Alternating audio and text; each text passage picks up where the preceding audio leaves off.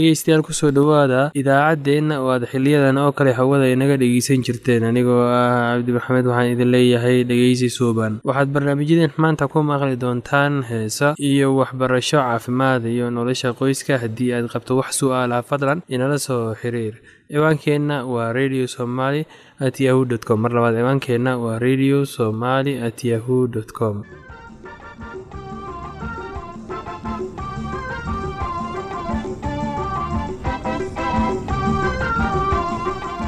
haddaba isaan ugu soo hadalnay markii cunaha ku dhacdo dhibaatada ay leedahay haddana markay caloosha ku dhacda ayuu inoo marayey waxaana ku xigi doono marka t b du ay infectionkeedu ka imaan kara xataa dabada. Marka caloosha sidaan hore uga hadalnaba t b du madhecirka ayay baabi'inaysaa meeshii xuubkaa dilaacayo. Calooshiya mataqaanaa xuubkeedii baa dilaacayo meeshii biyaha ku fakanayo beerkii ayaa dhibaatoobayo oo liver absasa dhacayo qofka wuxuu dareemayaa dabardarar kale xanuunuu dareemayaa madaxa xanuunayo lafiyaa garaacamayo calooshiyaa barareyso cuntadii ma qaadan karayo. Marka iyadana waxaa loo baahan yahay marka calaamadaha noocaas isku arko soo bararto oo qofku mataqaanaa beerkii bararo. Marka macnaha waxaa jiri karayso in mataqaanaa t b ay ay keentay dhibaato. Marka t b britnitis ayaa jirto oo xubkaasiti caloosha kuwa dahaaran ayaa meesha mataqaanaa dilaaci karta. Meeshii biyaha fadhiisan kara inflammation xanuun baa ka dilaacayo. Marka caloosha ayay isu gudbi kartaa madcerada kale u sii gudbi kartaa geliyaha soo gudbi kartaa bacteriyadu intaas xubnaha way gelgeli karaysaa. Laakiin meelahaas marka ay dhaawacdo calaamadahaasa lagu arkaya marka qofka biniaadamku waxaa loo baahan yahay in uu iska jiro. T b da mataqaanaa caloosha ku dhacdo badanaaba waxaa lagu kala qaadaa weelasha lagu cunayo. Maxaa yeele t b d calooshaada ayaa mataqaana tegeysa toos waxay raacaysaa cuntadii biyihii aa cuntay waxyaalahaasita ay raacaysaa meeshay calooshay tegeysaa meeshii waxay ku sameynaysaa markaa inay ku korto kabacdin nabray ku sameynaysaa infectiona meesha ka dhalanayo xuubka caloosha qeybihiisa dilaacayo marka beerkii ayaa dhibaato soo gelaysa maxaa yeele beerka wuxuu ku curan yahay mindhacirka yar ayuu xulilayaa toos xiriir marka waxaa ka soo abiskareeya wax alla wixii nuxur ah ama daawo ha ahaato ama cunto ha ahaato.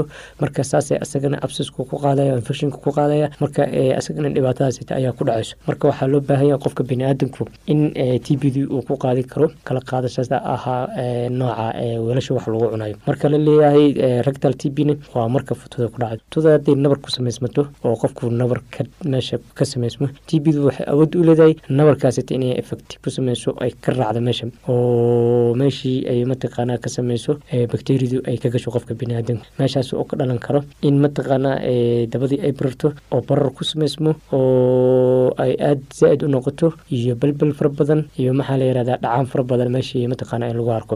Marka calaamadaha lagu karta t b d horesaada ku sheegnay meeshii ayaa malax fadhiisanaysaa marka qofkii waxaa lagu arkaya barar fara badan lagu arkaya cadaadaa lagu arkaya marka waxaa loo baahan yahay in mataqaanaa lala socdo nooca mataqaana marka qofku uu hayo dhibki dhibka markuu caloosha ku hayo markuu ka hayo maxaa la yihahdaa cunihii markuu sambabka ka hayo markuu maqaarka ka hayo markuu lafaha ka hayo marka intaba waxaa loo baahan yahay qofka biniaadamku in uu la socdo. Marka t b da marka qaarkood waxaa dhici karta in ay mataqaanaa post primary mataqaanaa pulmonary tuberculosis ahaan inay dhiig ay raacdo oo ay mataqaanaa meeshii ay ka sameyso meningitis inay ka sameyso oo xuubkii maskaxda ku yaali ay tagto meeshaasitina rabjir uu ka dhaco marka maskaxdii ay dhibaato ku soo gaarto. Marka t b du waa cudur aad iyo xun oo aad iyo aad u dhibaato badan dhibaatooyinkeedana n mataqaanaa haddaanan si mataqaanaa taxadar ah aan layskaga ilaalin. Marka siyaabaha t b da loo ilaalin karo alaabo waxawaaye meelaha dadka cudurka feeraha aada u jiran ay qabaan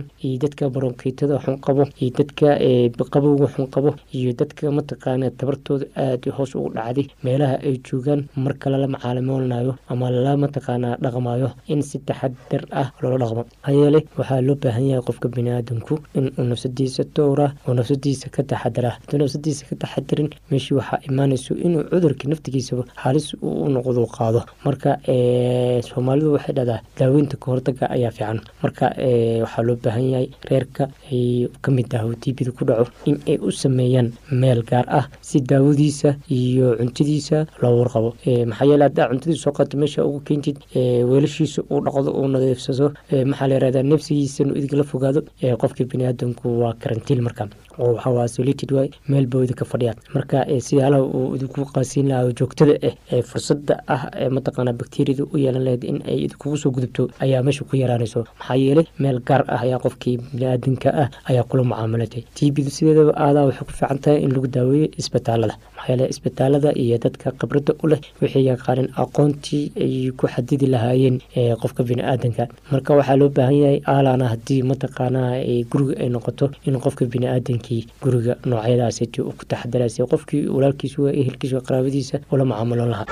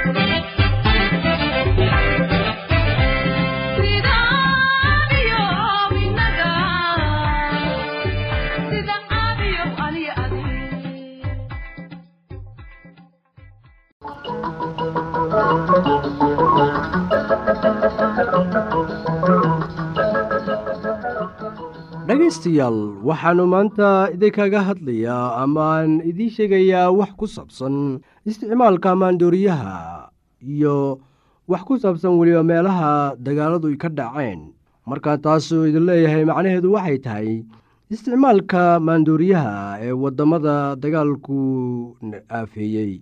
Waxaynu la soconaa soomaaliya inay ka mid tahay waddan ka mid ah waddamada ay ka dhaceen dagaal eheleydka dagaaladaas oo dhibaato u geystay waddanka.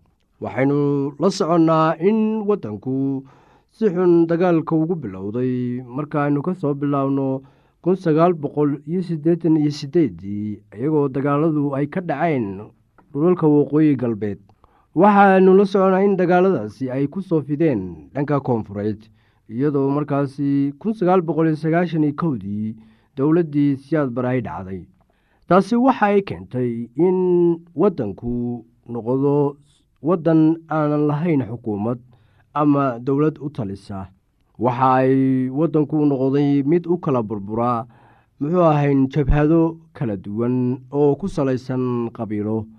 Taasi waxay dhalisay in ilaa iyo wakhtigan hadda aynu joogno soomaaliya toddoba sannadood in aysan ka dhalan wax dowlad ah haddaba inta muddada u dhexaysay ee dowlad la'aanta ah soomaaliya maxaa ka dhacay?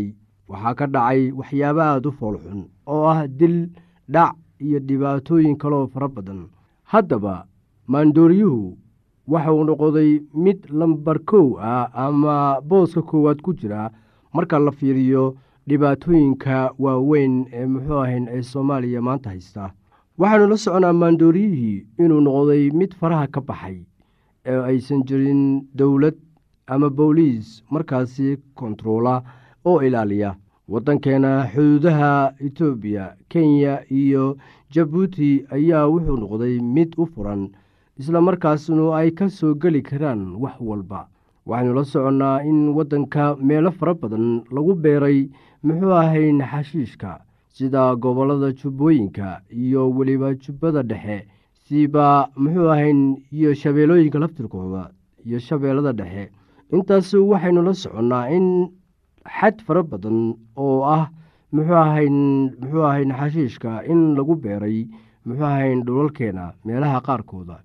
Haddaba waxaa kaloo la soconaa inay soo galaan noocyo kale oo kala duwan oo iyagana ah maanduuriyaal maanduuriyaashaas waxaa maanta lagu arki karaa goobo fara badan oo ka mid ah magaalooyinka waaweyn ee waddanka sida magaalada muqdisho kismaayo marka jowhar hiiraan galkacyo burco hargeysa iyo meelo kale oo fara badan iyo boosaaso lafsad ahaanteedaba.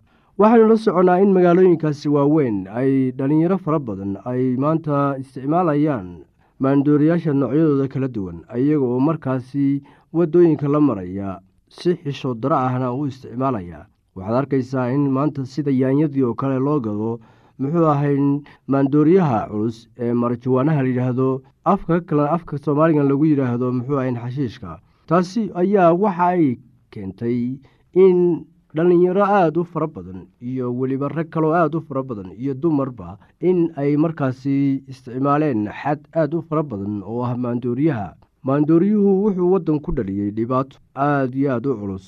Waxaynu arkaynaa in maandooriyaha ay muxuu ahayn ku dhalisay dhallinyaradu inaysan baqin islamarkaasna ay qoryaha qaataan.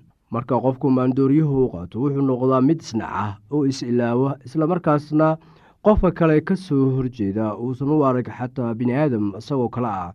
Waxa uu qofku markaasi si fudud uu markaasi u galaa dembiye aada u fara badan dembiyaha faraha badan ee ka dhaca waddanka maanta waxaa sal u ah isticmaalka maandooriyaha.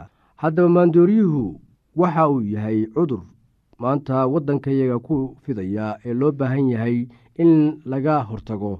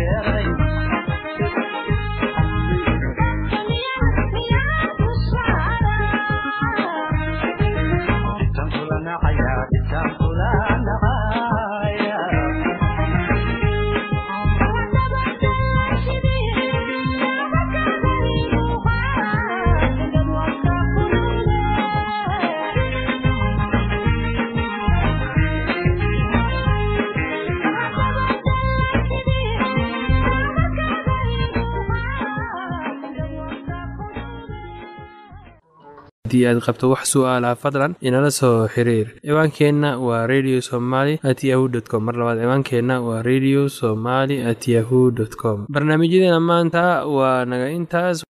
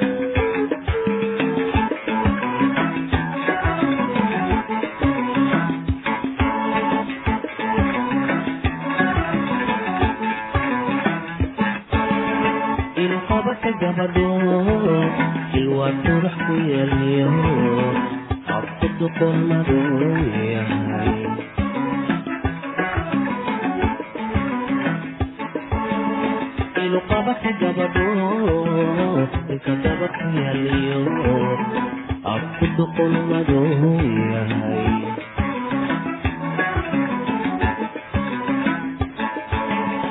oon in lahayno ebiyanoo dhamaystira oon in lahayno ebiyanoo dhammaystiraan astaantii soomaalidu jilkood ka muuqdaan laadkaysa waayo ucdisow iglansow kumaanara ucdisow iglansow kumaanara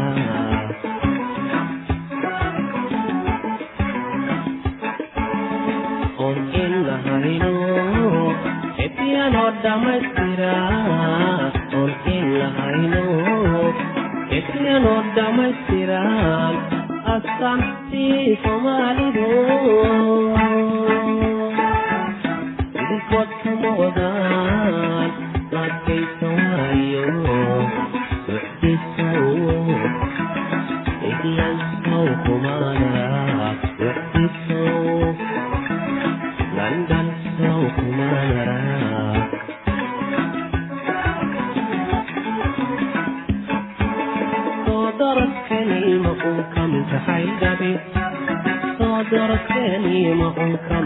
I